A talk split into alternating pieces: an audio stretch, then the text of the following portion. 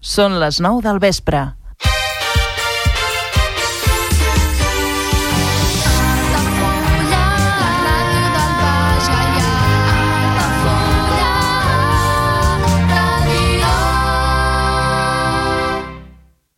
Altafulla Ràdio. Serveis informatius.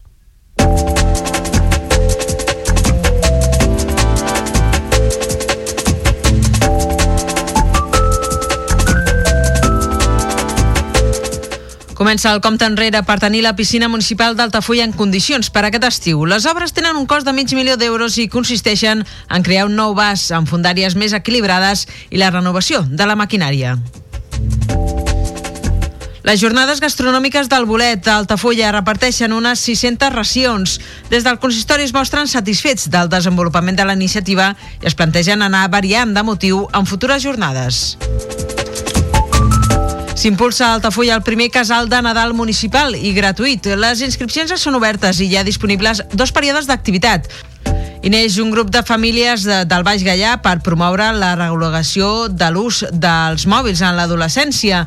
S'han organitzat a través d'un grup de Telegram i volen traslladar a les administracions la inquietud pels perills que comporten aquests dispositius.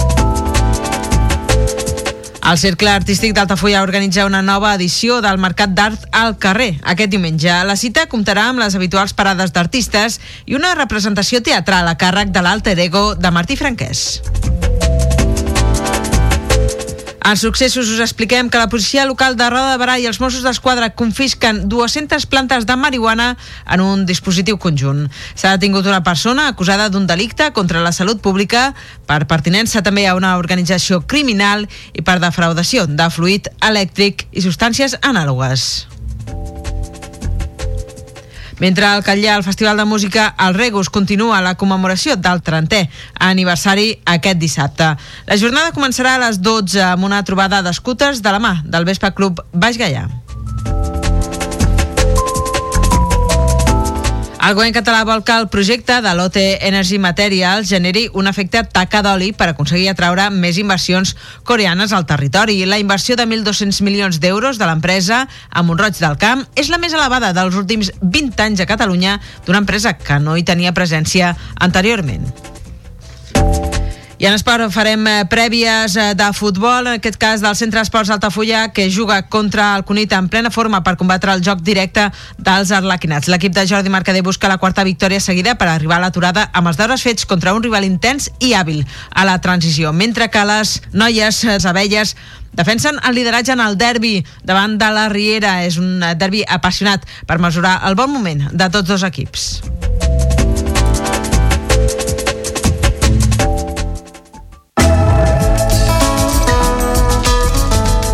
L'agenda a Altafulla Ràdio.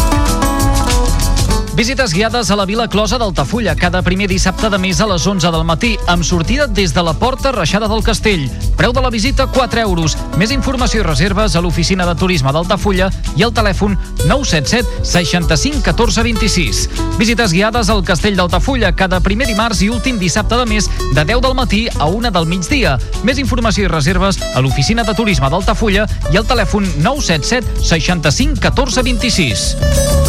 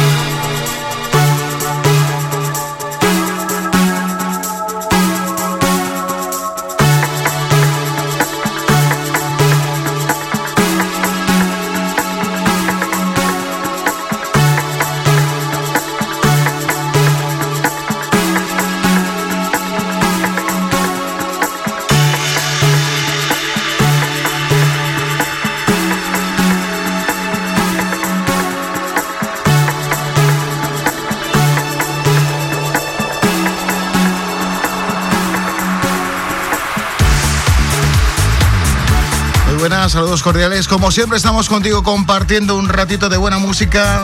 De lunes a viernes a partir de las, no- de las 9 de la noche en el Patito de Goma, Altafulla Radio. Y por supuesto aquí en La Sarsa. Música con denominación de origen. De vez en cuando también hacemos un alto en el camino, hacemos una pausa y entrevistamos a gente importante, a gente de interés. Y hoy tenemos un invitado especial lo tenemos en el estudio número uno de Altafulla Radio. Él se llama Salvador Vicente. Él es eh, un hombre, pues bueno, viajero, es músico, es escritor, en fin, hace de todo un poco. Y hoy tenemos el gusto de tenerlo aquí en el estudio donde nos va a contar muchas, muchas historias. Así que te pido que te quedes con nosotros en la sintonía del 107.4 desde la FM, como bien sabes. Te recuerdo que en la dirección del programa está Julia Yamsa, en la producción Pechi Ramos. Y aquí estamos contigo siempre de lunes a viernes con el mejor también sonido de la radio, la música de los 80. Antes de comenzar la entrevista vamos a escuchar un temita importante. Un tema que seguramente reconoces. Vamos con los Águilas, con los Eagles y su Hotel California.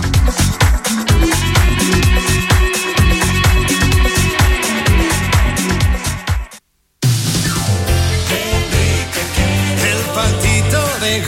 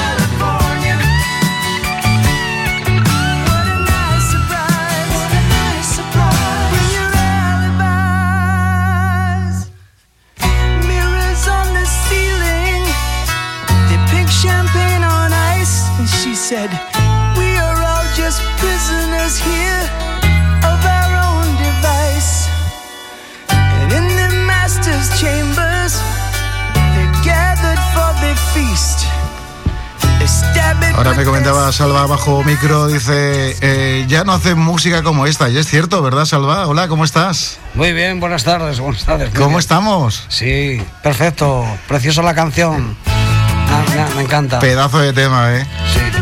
Bueno, hay que decir que Salva, aparte de, de escritor, también le va esto de la música, ¿no? Salva, cuéntanos un poquito también sobre el tema de la música. Tú te has dedicado, has estado en un grupo y todo, ¿no? Cuéntanos así por encima un poquito, hombre. Pues sí, yo era el batería del grupo Odisea de Tarragona. Jolín. Que he tocado aquí en Altafulla, en Tarragona, bueno, en muchos sitios, en las verbenas, en las noches de fin de año, en carnavales.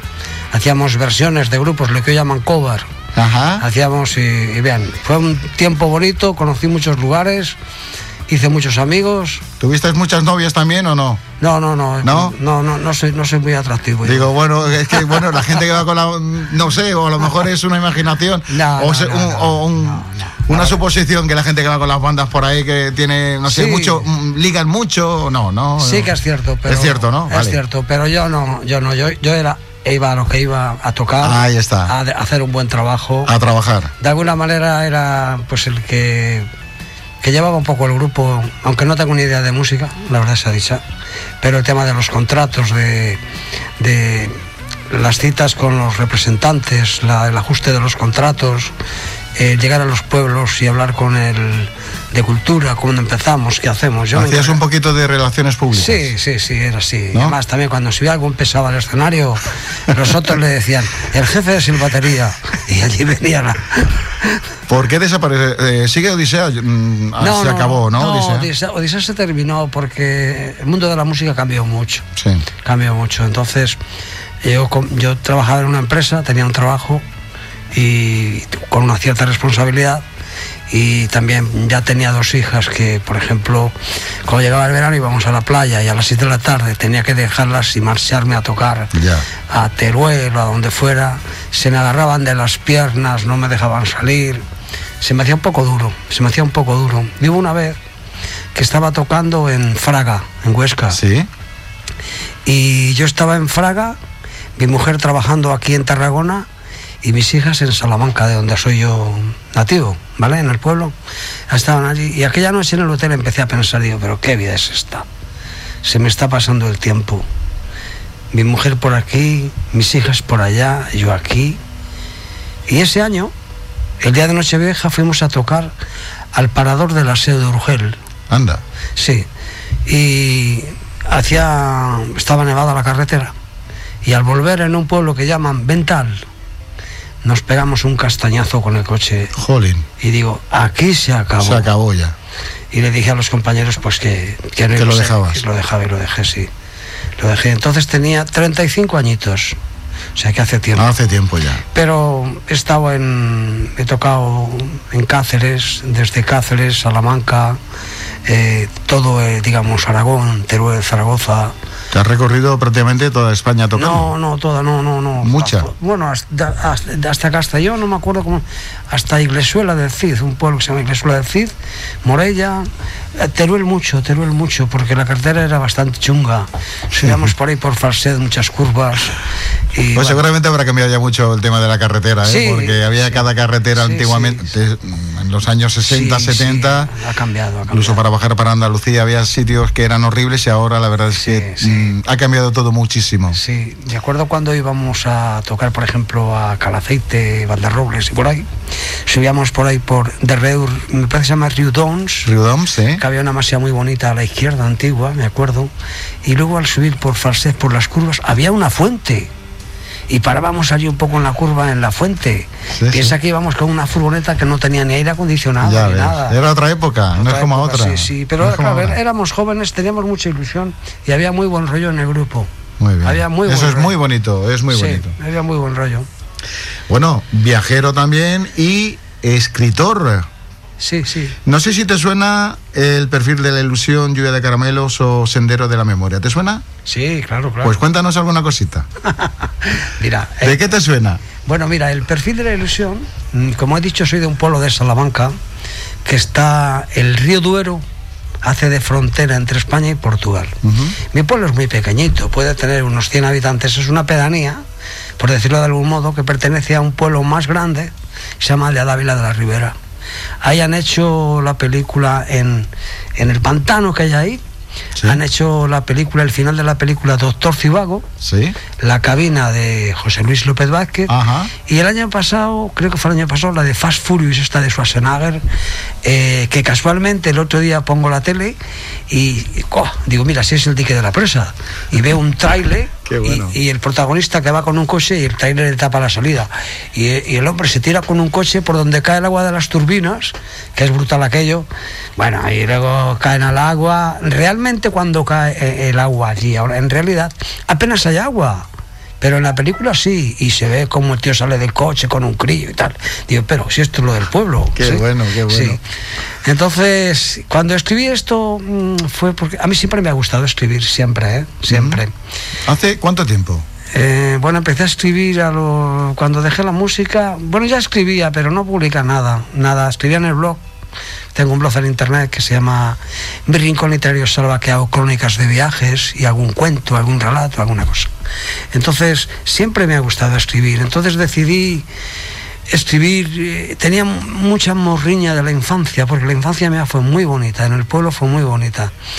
Eh, pertenezco a una familia muy humilde, entonces no teníamos juguetes. Eh, un balón era algo ya especial, Ya. ¿sabes? Era algo especial. Entonces, eh, pues eh, eran las calles de barro, eh, la inocencia toda esa de los Reyes Magos, de todo esto, pero no había posibles. Pero la imaginación hacía que cuando hice- hacían una película, por ejemplo, del zorro, pues hacíamos unas espadas y jugábamos a las espadas. Si hacían un western del, del oeste, pues allí en la iglesia hay unos unos estribos que soportan el edificio, jugábamos a pistoleros. O sea, siempre Tarzán, por ejemplo, pues nos íbamos a unos castaños que había allí un barranco que podía tener metro y medio, pero a, nosotros aquello nos parecía que tenía cinco. Nos lanzábamos con una rama y dábamos la vuelta al tronco y íbamos a para, para el otro lado. O sea, luego los nidos, perseguir, saber dónde hacían los nidos siempre, ¿no?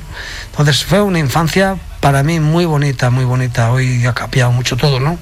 Pero eso lo tengo muy arraigado y muy arraigado, perdón.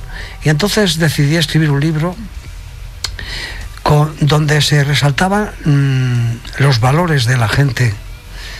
Porque todos mis personajes, todos, puede haber algún maléfico, ¿no? Pero normalmente procuro sacar de la gente la parte buena, la parte buena, la parte noble. Y ahí en el perfil de la ilusión, pues es, digamos, un libro en el que pueda vivir cualquier niño. No es mi vida, no es mi infancia. Puede ser la infancia de cualquier niño de mi edad en aquel pueblo o en aquellos pueblos de alrededor. Es similar. La carrera de los carnavales, las carreras de los gallos. Luego, como es un sitio de frontera, y esto es real, pues había contrabando, y había contrabando de personas que pasaban de Portugal de manera clandestina en un barco, cruzaban el río para ir a Francia a cortar leña, a trabajar, ¿vale? Y yo incluso llegué a hablar, no con estos que iban a cortar leña, ¿no? Pero con contrabandistas que pasaban mercancía, yo recuerdo de haber hablado cuando yo tenía 14 o 15 años, en unas vacaciones. Así que los vi pasar. Entonces, ese perfil es realmente cómo era la vida de un niño en la época, eh, yo nací en el 56, en el 66, 70, ¿cómo era la vida? La Guardia Civil, el besarle la mano al cura, cualquiera del pueblo te podía pegar una reprimenda. Era peor que te dijeran, se lo voy a decir a tu padre, que que te dieran un guantazo, un, con era peor. Entonces, eh, eso está muy arraigado. Y esa es, eh, en la novela, pues, pues eso, destila bondad, pero tiene un final súper duro. Sí. Muy duro, muy duro, muy duro. Muy duro, es muy duro, sí, sí. Es que los, los finales me gusta, es un final cerrado, o sea, no tiene continuidad, no tiene continuidad. Pero es una- hay una historia de amor muy bonita de, de un chico que tiene una hermana tullida, eh, que está siempre en silla de ruedas. Y es que en mi pueblo yo tenía una vecina que estaba siempre en una silla de ruedas. Tenía un agujero en el asiento por donde orinaba y defecaba y tal. Y aquella mujer nunca salía de, de allí. Ya ves. Entonces en mi novela pues hay un personaje Ujú, Que también aparece. ajá. Exactamente, pero con una condición, que tiene un hermano que es un personaje protagonista, muy bueno, que la lleva, compra un coche de segunda mano y la lleva a conocer Salamanca, a ver las fuentes, a ver los semáforos, a ver la ciudad. Y viene una maestra del pueblo muy bonita, que ha tenido mala experiencia amorosa, separada, y ve unos valores en él muy grandes, pero él, claro, él no es ningún, ningún Alain Delon, es un tío bas- bastante vasto de pueblo, pero con unos sentimientos. Y se enamora, se enamora de él y, y muy bonito. Pero bueno, no te voy a contar más porque si no jodemos la novela.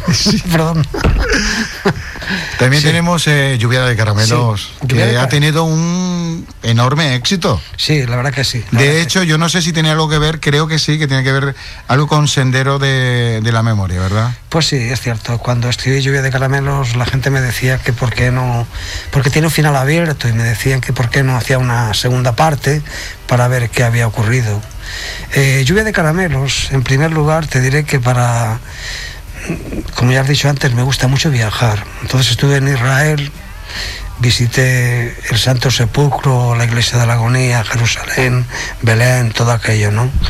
Entonces siempre que voy hago muchísimas fotografías y cuando vengo aquí, después del viaje, es cuando me documento en profundidad, ¿no?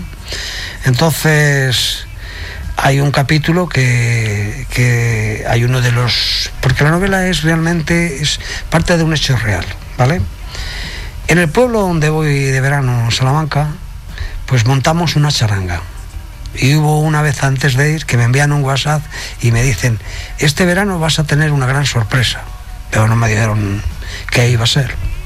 Entonces me acuerdo que llegué allí y el día del pasacalles yo tocaba la caja y llegué el último, ya estaban todos allí y llegué el último, entré casi medio escondido para que no me dijeran nada y cuando llego allí, "Mi- mira quién está aquí, wow, el Chupaligas. Chupaligas es un trompetista que hoy tiene 97 o 98 años, todavía toca con sus limitaciones, Ya ves. pero tocamos ese día. Sí, yo, sí. No le, yo, no- yo lo había visto cuando era niño en los escenarios del pueblo, cuando bailaban mis padres, y esa gente lo había visto. Y para mí era como un icono ese hombre, porque yo he tocado con trompetas. Y meterte sesión de tarde, sesión de noche, bufando, hay que tener un morro como, sí, como, sí. como el mármol de duro, para no reventar el labio. Pues el tío se hacía todo.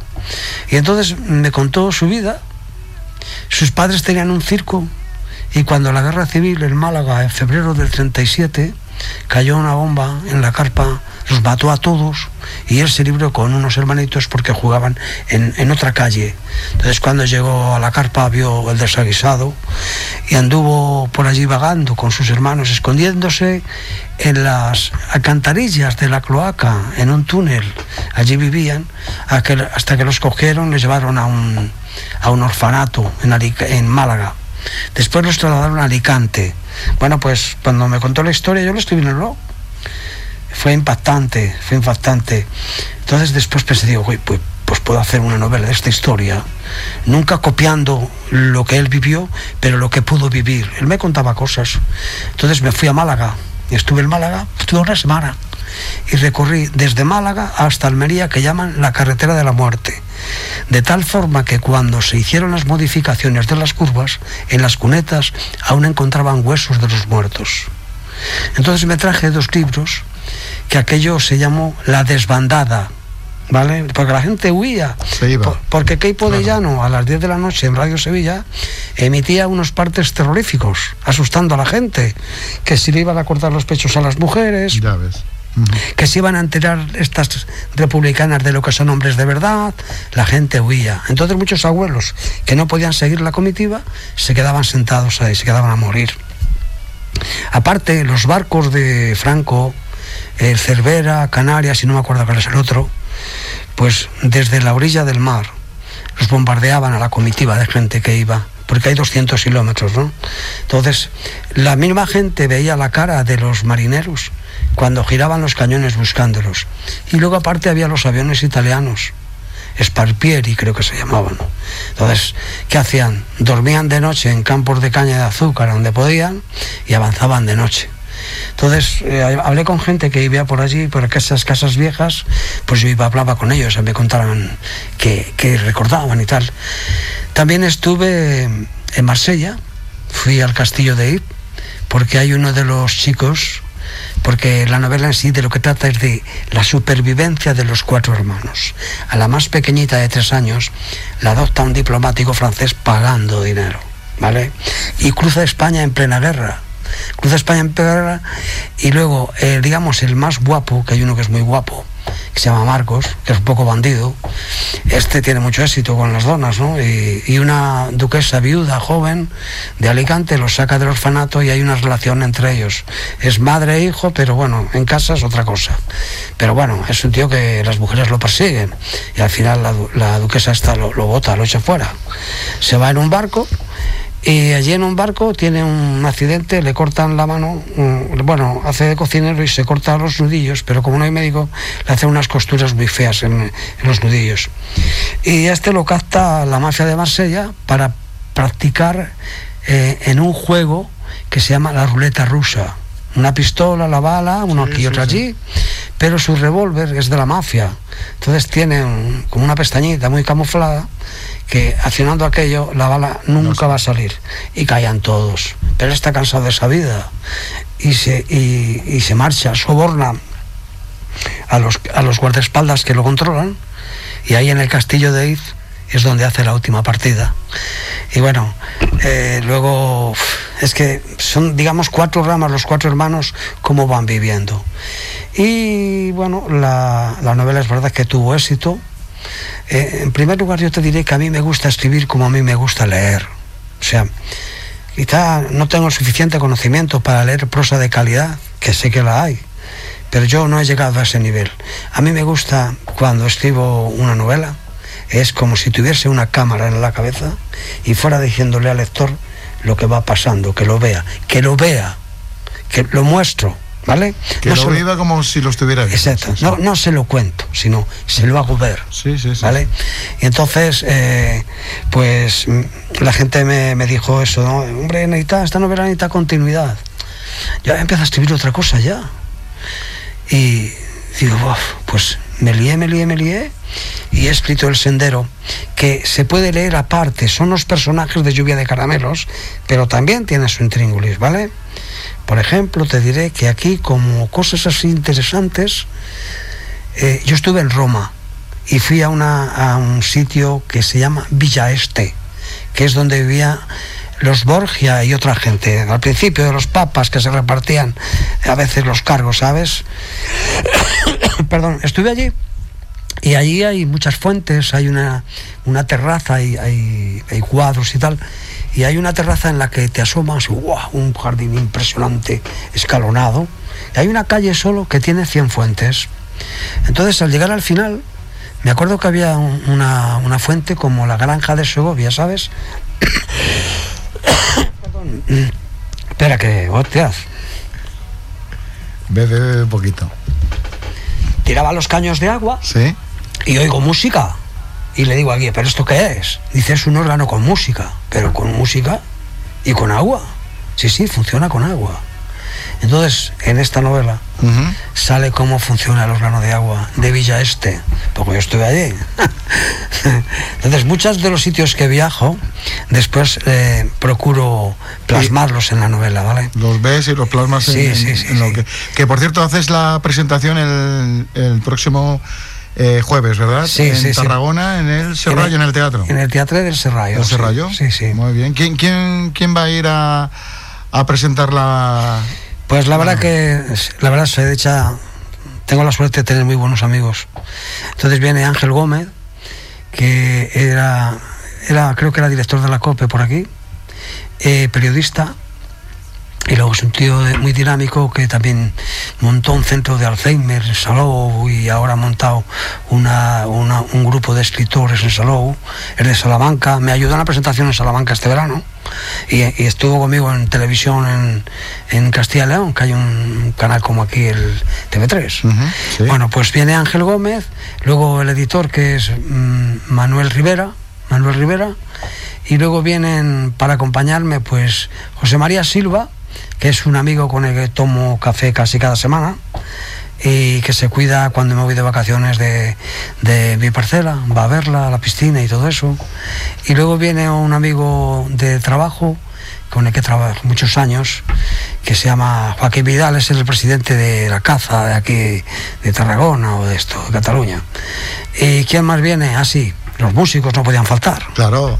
Entonces viene un saxofonista muy bueno que se llama José María Font Titus, se le conoce por Ah, Titus. Titus, sí, sí, Titus sí. toca muy bien. Y luego vienen también dos, bueno, es- uno es el amigo, el otro no lo, no lo conozco, o lo conozco y no sé quién es, eh, que se llama Secundino. Secundino, que es asturiano, toca la gaita asturiana y su compañero que vienen a tocar. Entonces yo he pedido que la intervención de cada uno no exceda de cinco minutos. ¿Sabes? Que no, que no, que no. No más. Y después, pues al, al terminar, pues haremos un pisco labis. Muy bien. Que ahora mismo la Yoli, la conoces, la de allí. Sí, sí, sí. Pues con su máquina de cortar chorizo me está haciendo unas Sí, tapas. señor, sí, señor. Eh, ¿qué, qué escritor te gusta leer, eh, Salva? A ver, mira, a mí me gusta, por ejemplo, ruso Chekhov, Chekhov que es ruso. Eh, eh, Pío Baroja estoy leyendo ahora. Ahora he empezado a leer ahora, ¿eh? He empezado a leer el Quijote ahora, ¿eh? Ahora. Y no te creas tú, mira, no sé. Lo leo casi como una obligación, ¿eh? Porque a mí ese vocabulario tan rimbombante y tan extraño me gusta más directo. Pero me gustan muchos, qué sé yo, los, los sudamericanos. García Márquez, por ejemplo, el en tiempos de la cólera o algo así, era, me acuerdo, un viaje en barco muy bueno, el coronel no tiene quien escriba. A ver, suelo leer bastante, ¿vale? Suelo leer bastante.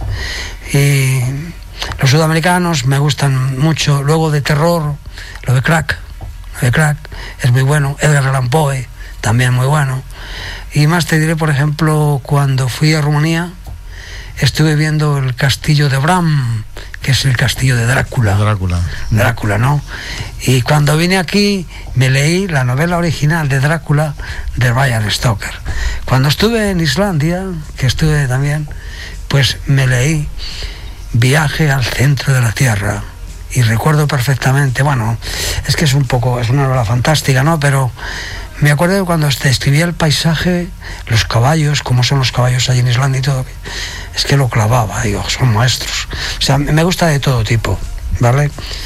A ver, Lees de, to- eh, lees de, de todo un poco. sí, Eh, sí. mm, ¿Has cambiado alguna vez el final de un libro, de una novela? Que si lo he cambiado. Sí. No, eso es ¿Tenías pensamiento de, de terminar No, la no, novela? No, no, no, no, mira. Te, voy, te voy a explicar. Ahora estoy escribiendo otra, ¿vale? La novela, escribir es un tiempo de como de soledad, ¿vale? Y a veces para escribir, ¿qué gesto hace? Pues yo lo invito, me pongo de pie y digo, mira, hace así con la mano, levanta la palma, tal cual. Se le ve el anillo porque brilla en la lámpara, o le brilla el diente porque está delante de un espejo. Siempre eh, escribir, eh, ahora estoy escribiendo una novela nueva, y cuando escribí, por ejemplo, el perfil, me acuerdo que estaba en la parcela, allí escribiendo, y te atrapa de tal manera que, que no te das cuenta del tiempo. Y se me hizo de noche. Y estaba tan metido en la historia que nada más tenía la luz de la pantalla del monitor. No tenía otra luz. Eso te quería también preguntar. ¿Cómo está ambientado eh, en el lugar donde sueles escribir? Es eh, diferente. Diferente. Suelo escribir en la terraza de mi casa, pongo música, me gusta mucho la música barroca, ¿vale? Me gustan mucho los cantos gregorianos, para que no te distraigan, ¿vale?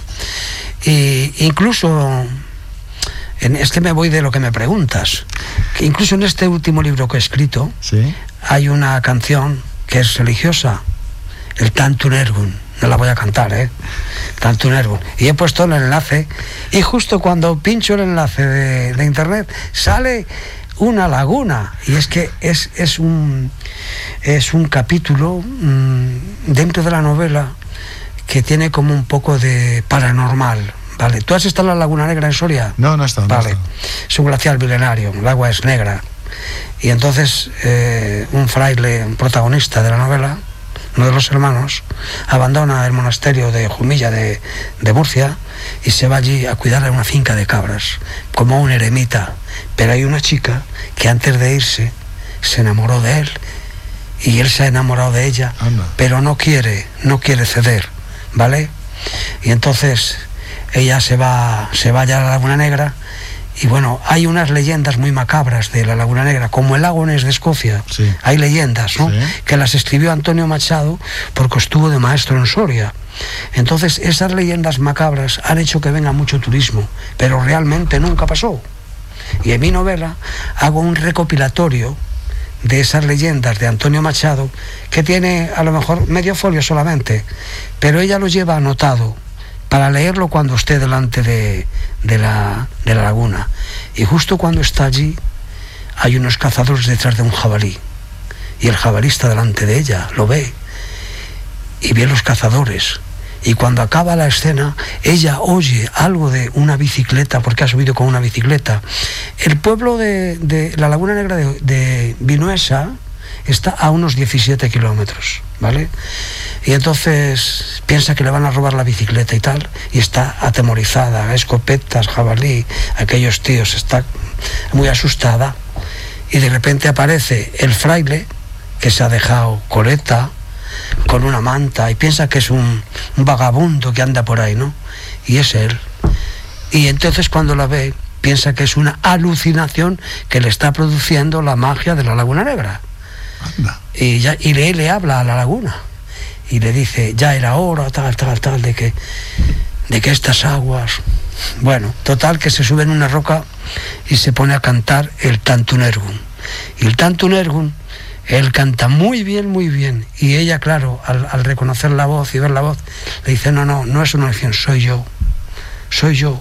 Bueno, se abrazan, se besan y pasean como dos enamorados por aquellos bosques de pinos, como si fuera la avenida floreada de cualquier ciudad, dando a entender que la profundidad de aquellas aguas y el misterio jamás podrá romper un amor de verdad. Qué bonito. Sí, muy bonito, muy sí, es un capítulo. No, tiene, tiene capítulos de, de mucha emotividad. Me gusta, me gusta. Piensa que hay gente que ha leído lluvia y dice, he llorado, he reído, me lo he pasado muy bien. Pero a lo que íbamos, ¿dónde escribo? Como te decía, estoy escribiendo ahora la novela y llega un momento que la novela te atrapa. A mí ya me ha atrapado este fin de semana, la que estoy ¿Le escribiendo. dedicas mu- mucho tiempo? No, cuando me apetece. Cuando te- Vale. Cuando me apetece. Hay veces que el verbo fluye con unos... que dice, hoy, tengo, hoy lo tengo Hoy, te- bien. hoy tengo el día Hoy bueno. tengo, hay días que te atrancas y dices, "Buah, esto no va bien. Pero no, no, cuando yo veo que... Pero de todas maneras, yo no creo en la inspiración. Hay que trabajar y horas y escribes, escribes.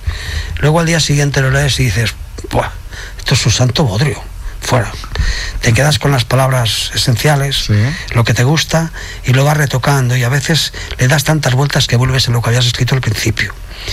Pero como decías, eh, me gusta escribir eh, así, con música, si puede ser eh, música barroca o, canto gregorianos, o también esta, pero que no quiero que me distraiga, no quiero que me atrape, que me, que me lleve, porque yo cuando oigo música trato de, de tocar, y entonces no. ya está, no, entonces no, ya no. va- vamos mal. No. Entonces llega un momento que los personajes te van atrapando y tiene un carácter. Hago una ficha de cada uno de ellos, de cómo es, cómo es como persona físicamente. Tiene que tener algún tipo de distintivo para que el lector, para no repetir el nombre, que tiene unas canas en la frente, encima de la frente, o que tiene una verruguita en la nariz, o, o en la mano tiene un lunar no es con pelo, yo qué sé. Sí, sí, sí, sí. siempre algo, ¿no? Entonces son ellos los que los que van contando la historia, ¿no? Y, y ahí estoy, eh, llega, llega ese momento que te atrapa, como ahora, y lo que estás es deseando llegar y tener un momento para sentarte y, continuar. Sí, sí. Y sí, continuar, qué sí. bonito, qué bonito. Sí, pero después hay otro, otra parte mala, que es cuando terminas. Has tenido tanta ilusión, le has puesto tanto interés, has trabajado tanto, que dices, se acabó y ahora qué, ahora ya no me pertenece. Por eso, si, si lees el marcapáginas, digo eso, que me gusta escribir con sentimiento, pero que... ¿Lo tienes? ¿Lo tienes por ahí? Sí, lo tengo por aquí, sí. ¿Puedes, puedes leerlo, por favor? Dice el sendero de la memoria. No, el marcapáginas. lo- Perdona, a ver. ¿dónde está por aquí? Eh, Me gusta escribir... espera que no lo encuentro ahora. eh, Es el marcapáginas. No, no, no, hay un... Tienes que tener ahí donde la dedicatoria, por ahí. Aquí, ya lo veo. Sí, sí. Aquí. Lee, lee eso, verás. Eso es, eso es definitiva. Me ilusiona describir sensaciones y sentimientos. Es muy íntimo, personal y placentero. Entre tanto, va adquiriendo la forma. Siento que la novela estuvo encerrada en una jaula de mi egoísta interior. Sin embargo, al terminar, deja de ser cómplice en la soledad y obliga a dejarla volar con un hijo con ansias de la libertad. Concluye manifestando que a partir de ese momento ya no me pertenece, porque solo fui un mero instrumento a la hora de ordenar las palabras que ella me dictaba. O sea, ¿qué es lo que quieres decir? Sí. O sea, en el momento que ya terminas la, Sí, la novela, ya Sí, se acabó. es como un hijo que vuela, ¿no? Exactamente. Se acabó. Qué bonito, qué Se bonito. acabó, se acabó. Y bueno, pues eh, pasas un tiempo, qué sé yo, no sé, tres meses, cuatro meses, con la mente en blanco y, y luego ya pues eh, piensa otra idea para escribir otra historia y siempre vas pensando en, en cómo continuar. Por ejemplo, cuando me acuesto, pues me acuerdo de la última, la última escena que he escrito para cómo puedo continuar. Y si hay algún error, tengo que volver para atrás. Por ejemplo, ahora en la que estoy escribiendo hay un atraco. Hay un atraco a una tienda de fotografías y para coger al atracador, pues va un personaje importante, pero que está como anónimo hasta ahora. Y coge una tornadera. ¿Sabes lo que es una tornadera? No, no, no. Bueno, una tornadera es un instrumento de hierro que se utilizaba en el campo para levantar la paja y el trigo y todo eso, que son unos punchos como un tenedor gigante. Sí, sí, sí, sí. ¿Vale? Y este tío coge al atracador con una cacharra esa, y, con la tornadera, y lo sujeta y lo controla. Entonces tienes que volver al principio, cuando se describe esa habitación, y ponerle que había allí colgado una tornadera porque al marido le gustaban los aperos de labranza del pueblo. O sea, es así. Incluso cambiar el nombre también. Los nombres también son importantes. A ver, eh, yo la razón por la que escribo, la razón por la que escribo, primero porque me gusta, me gusta. Y segundo porque, como antes te dije, tengo cuatro nietos. Y quiero que cuando ellos tengan una edad, por ejemplo, a Nacho, que tiene cuatro años, le gustan mucho los libros. Entonces lo que yo quiero es que sepan cómo era la vida de un niño con 10 años en el perfil, cómo era la, vida de un músico ambulante en lluvia de caramelos y luego esto otro, pues otro después, pues otras historias. Esa es la razón por la que escribo. Salva, te prometo que vendrás en otra ocasión porque se nos ha hecho muy corto Sí. y esto ya llega a su punto final. Mm, ¿Quieres decir alguna cosa rápidamente No, antes no. de terminar el programa de hoy? Que me acompañes en la presentación, simplemente. Un placer muy grande tenerte Venga. aquí, Salva, y que tengas mucha suerte con esta, con esta estupenda novela, El Sendero de la Memoria. Un placer haber estado, que hubieras estado aquí en este programa y lo dicho, un abrazo muy grande y que vaya todo muy bien. Muchas gracias a ti. A ti por venir, gracias, Hasta un luego. placer. Adiós.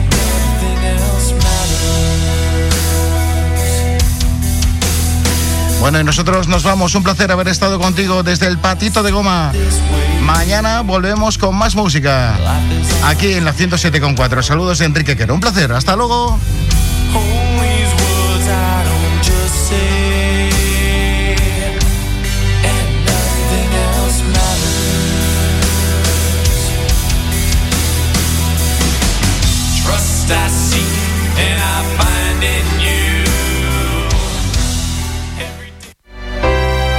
Celebracions 2024.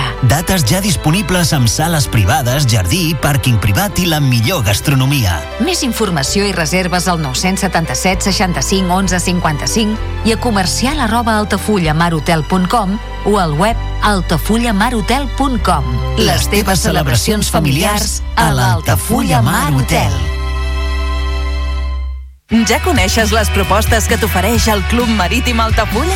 Vine i descobreix totes les nostres activitats. Sortides en caiac o pa del sur, cursos de vela per a totes les edats. No t'ho perdis i gaudeix d'un dels esports més segurs d'aquest any. Club Marítim Altafulla. Obert tot l'any i per a tothom.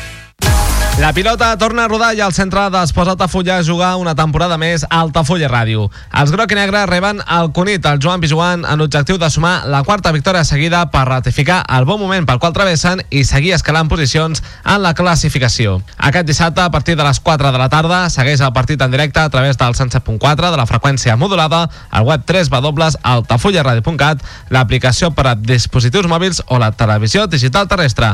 A futbol més modest sona Altafulla Ràdio.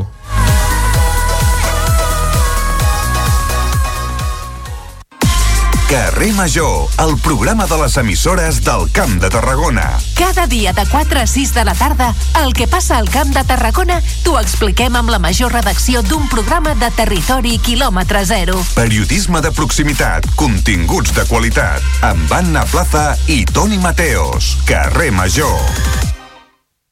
Al meu país la pluja no sap ploure.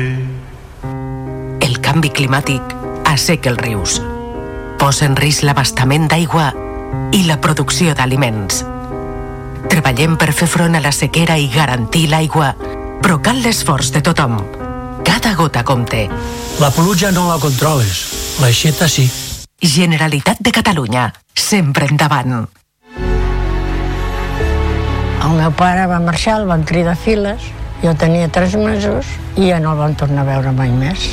La ràdio va fer un paper molt important a l'hora de, de saber que existia un programa de recuperació dels cossos trobats en fosses comunes de la, de la Guerra Civil. A mitjan juliol, que m'havien trucat de justícia per informar-me que havien pogut casar les dues mostres d'ADN, la de la meva mare amb la del meu avi. Vaig posar a cridar i abraçar-me amb ells amb uns plors perquè vaig pensar al final, al final ho he aconseguit. La vaig agafar la foto d'ella i li vaig dir, mama, ja tenim el papa aquí i ja pots estar junt amb ell. Si tens algun familiar desaparegut durant la Guerra Civil i el franquisme, inscriu-lo al Cens de Persones Desaparegudes i apunta't al programa d'identificació genètica. Tu també pots tancar el dol.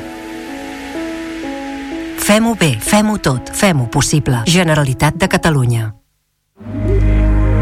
Has vist la notícia sobre la fuita química? Sabríeu com actuar en cas d'accident químic?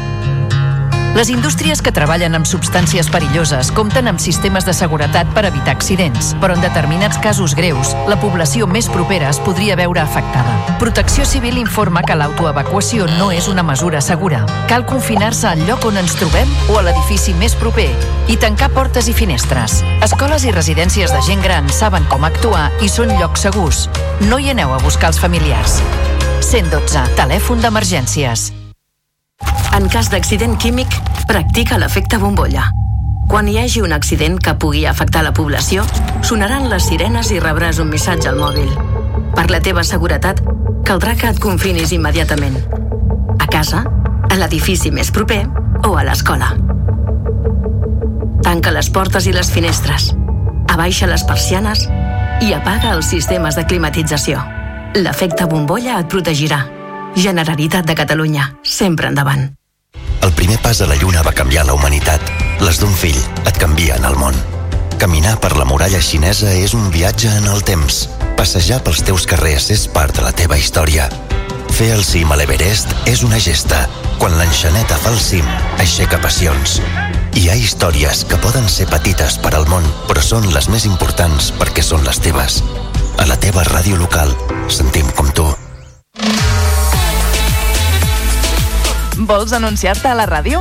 A la plaça del Pou? Al pavelló poliesportiu? Cap problema. Truca al 635 83 30 94 i parla amb el nostre comercial. Així de fàcil. I quins preus?